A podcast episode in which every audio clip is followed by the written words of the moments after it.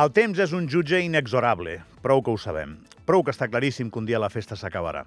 Però tot i així, la mort segueix sent un disgust enorme perquè la persona que marxa sabem que no la veurem més, que ja no hi haurà una altra conversa, abraçada, petó, i per molt que relativitzis i que tinguis tots els teus elements vitals en ordre, això et posa molt trist.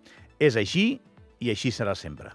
Si la persona que marxa més és important pel que significava pel país, l'aposta s'eleva. És el cas de Toni Martí aquesta setmana i abans ho va ser d'Òscar Ribarreig i de Josep Pintat.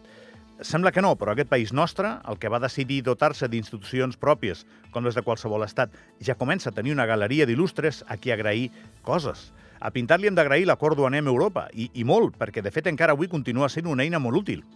I han passat molts anys des que el va acordar. Eh? A Ribas, i és el cas que millor il·lustra potser l'evolució del país, li hem d'agrair tots els debats que va arrencar i que va perdre.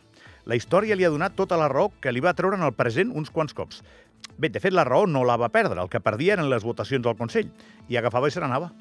Això li va passar unes quantes vegades. Ribas va ser sempre un ariet que va empènyer murs i portes sense travessar-ne moltes, però sempre obrint camí. I a Toni Martí li hem d'agrair haver fet passos decisius per homologar el nostre petit país amb el món per combatre el risc, que sempre ha existit i encara avui existeix, de quedar aïllats. I en el cas de Toni Martí, i com escrivia el meu amic Ricard Polla aquesta setmana al Poble Andorrà, se li ha d'agrair que cometés aquestes maniobres amb una fermesa que no era pròpia de la família política que tradicionalment l'acompanyava. Dit d'una altra manera, Martí sempre va tenir clar que s'havia d'arribar on som, però havent pres nota dels problemes de Ribes. Primer va arribar al poder amb una majoria enorme i després va executar les reformes, a pesar que molts dels seus, dels en teoria seus, omplissin converses de cafè i passadissos de la paraula traïdor.